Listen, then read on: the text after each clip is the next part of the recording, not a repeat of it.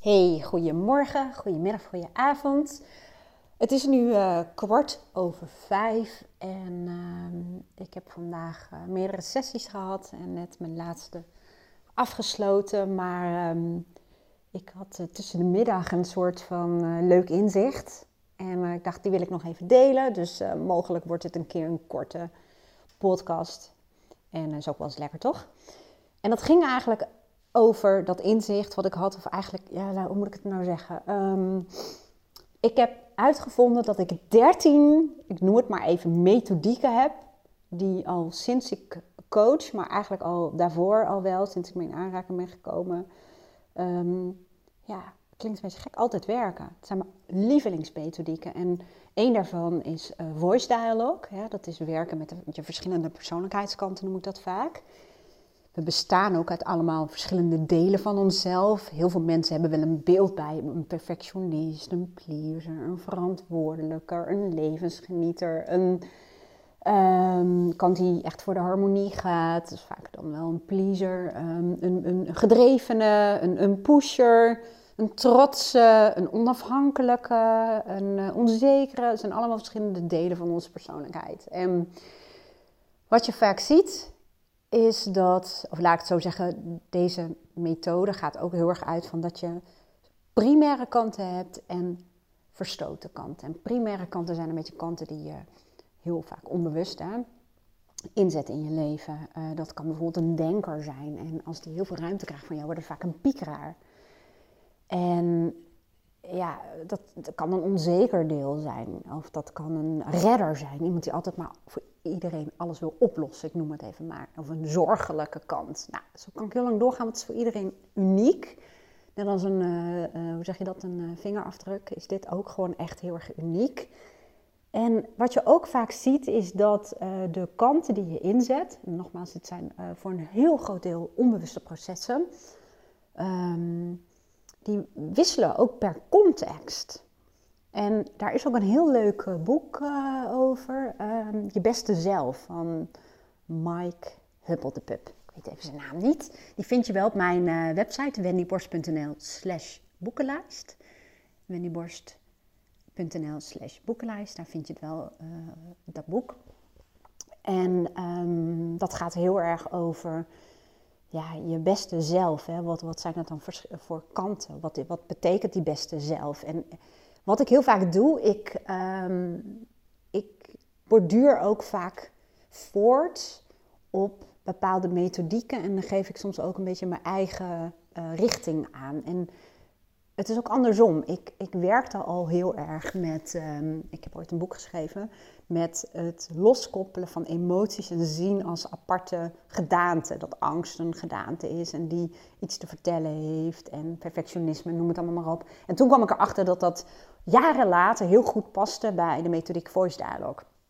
Nou, ik probeerde zelf vaak uh, ja, ook een eigen invulling daaraan te geven. En dat inzicht ging heel erg over dat um, ik dacht, ik heb in mezelf een soort comfortzone Wendy zitten.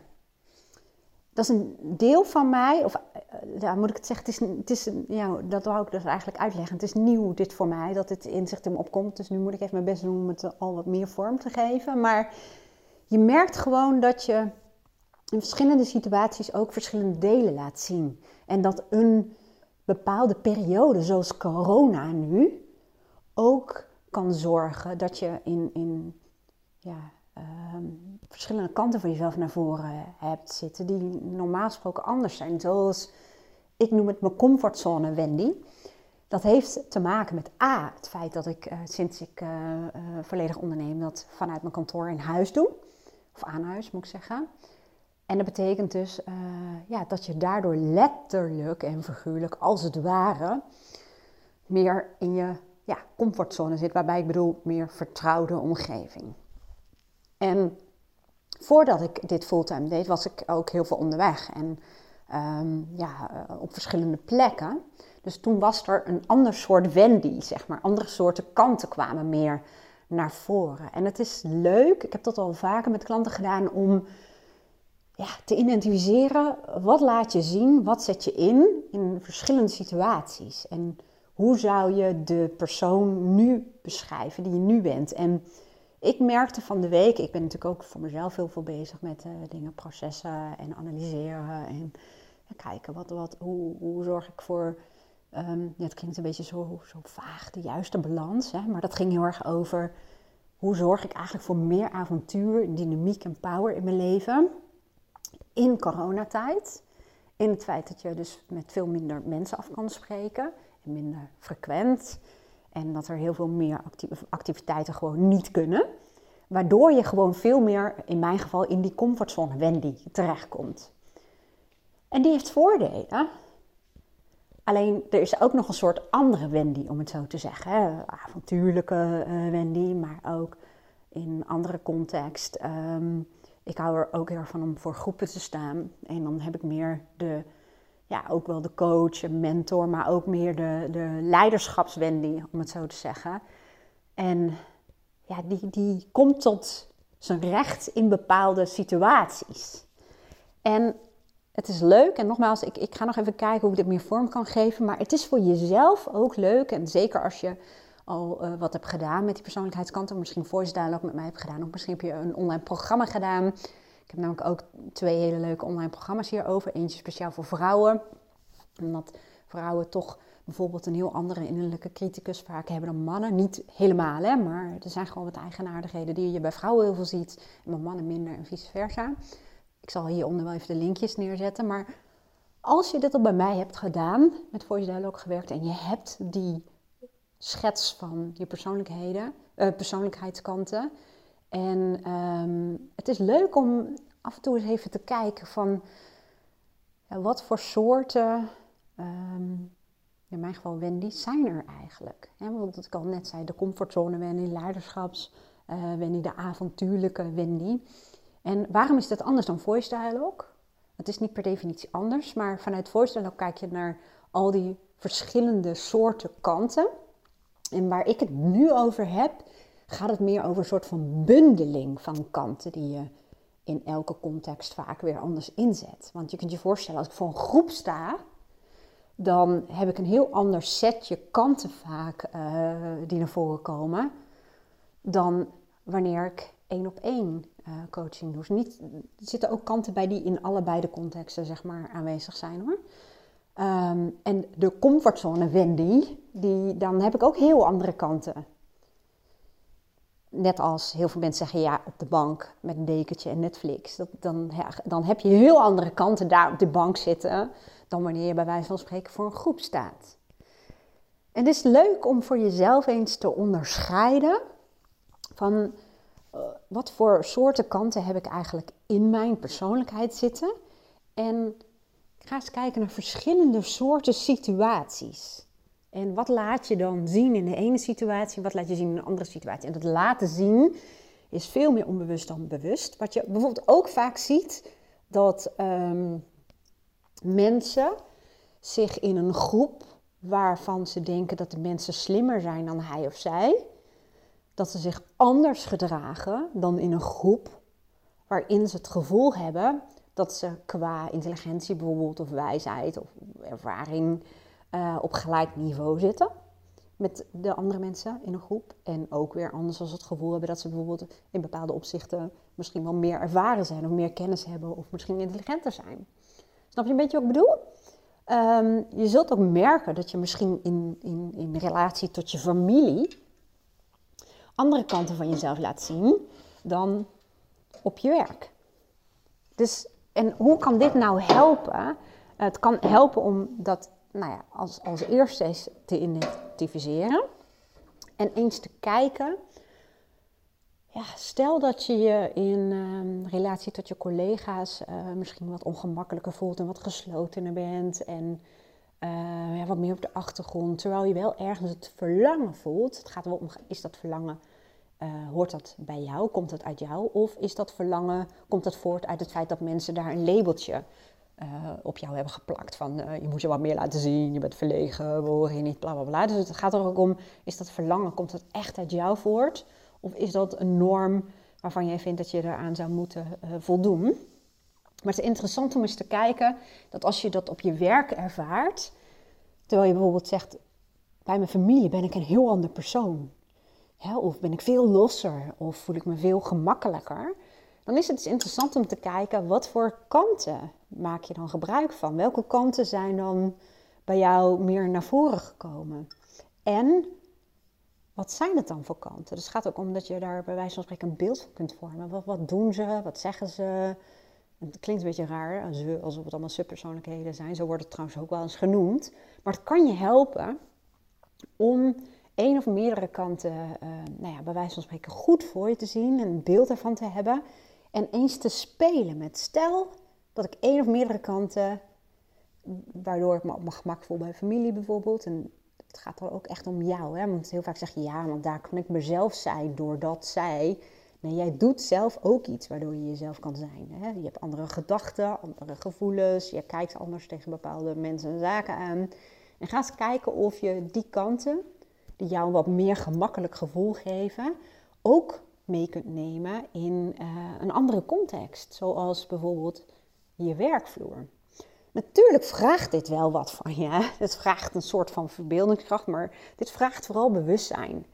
Stukje uh, analyse en uh, ja, bewustzijn. kan er niks anders van maken eigenlijk. Dus uh, dat is niet voor iedereen makkelijk weggelegd. Dat, dat, dat, kan ik wel zeggen nadat ik honderden mensen heb uh, gecoacht inmiddels. Um, als je dit lastig vindt, dan um, ja, je kunt je natuurlijk altijd laten coachen. En dat hoeft niet door mij te zijn. Er zijn heel veel mensen die voice dialogue uh, faciliteren. Facilitators noemen ze dat vaak ook in plaats van coaches. Uh, dat is altijd super zinnig om dat een keertje te doen. En als je het liever zelf aan de slag gaat, dan, nou ja, dan kan dat met een online programma. Ik, heb al de linkjes, zei ik al, dat ik die hieronder zou neerzetten. En wat ook kan, is mijn allernieuwste aanbod, waar ik nog steeds gewoon super enthousiast over ben, zet ik hier ook wel even onder. Dat is eigenlijk meer een combinatie van wel coaching op afstand, um, maar um, dan met behulp van spraak- en tekstberichten. Dat vinden mensen toch ook wel heel erg fijn. En ik zelf ook. Ik vind het super leuk. Ik doe dat nu uh, met vooral een aantal bestaande klanten. En dan luister ik naar zo'n spraakbericht van iemand waar hij tegenaan loopt en waar die op dat moment is. En ik maak dan aantekeningen en dan vervolgens dan, uh, nou, dan ga ik iemand helpen door middel van de spraakberichtcoaching. En ik geef soms wat richting en wat uh, suggesties en tips. En dat doe ik dan lekker op de bank.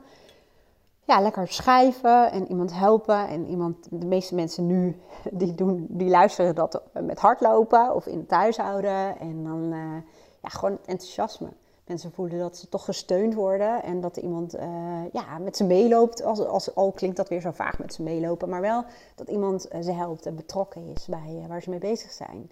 Dus dat is ook heel cool. Ik ook wel een linkje hieronder. En, maar wie weet, lukt het jou ook wel aardig goed om het zelf te doen. En kan, kan je daar ook wel wat tips bij geven. Want um, het helpt ook vaak om wat leesvoor hierover te hebben. En een um, lekker leesbaar boek hierover. En uh, ja, ze noemen dat altijd populair geschreven. Een beetje een vage term, maar ik vind het lekker leesbaar. Is het boek Ik en Mijn Ikken. Ik zet wel even een linkje naar mijn uh, boekenlijst en dit boek wel even in bijzonder. Want dat geeft je al een beetje inzicht in de verschillende ja, ikken, kanten of delen die in jouw persoonlijkheid huizen. En het boek van die Mike Huppelpup zal ik ook wel even hieronder zetten. Want je kunt al best wel heel veel zelf doen. Maar het is een beetje afhankelijk van of jij iemand bent die het leuk vindt om te lezen, leuk vindt om hiermee bezig te zijn. Maar uh, jezelf leren kennen, ja, is wel zo ongeveer de basis van alles. En jezelf leren kennen zit voor mij heel vaak in, uh, ken je waarden. Weet wat je allerbelangrijkste waarden in het leven zijn. En merk ook op welke normen dienend zijn en welke normen conflicteren. Dat zijn ook normen die van buitenaf zijn opgelegd of die je hebt laten opleggen, moet ik zeggen. En vooral, hoe zit je eigen persoonlijkheid in elkaar? Welke persoonlijkheidskanten heb je?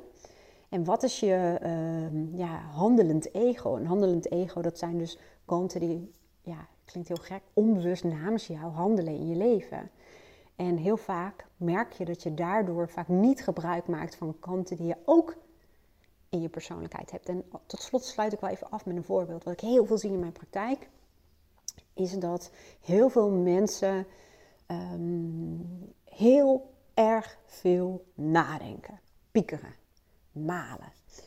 En dat zijn, is dan primaire kant. En als dat deel continu aan je stuur zit, dan maak je te weinig gebruik van een innerlijke levensgenieten, een onbezorgde kant, een relaxte kant, een oplossingsgerichte kant, uh, een zijnskant. Dus dat zijn allemaal kanten die in heel veel situaties juist een heel ander licht en perspectief kunnen bieden op het desbetreffende vraagstuk.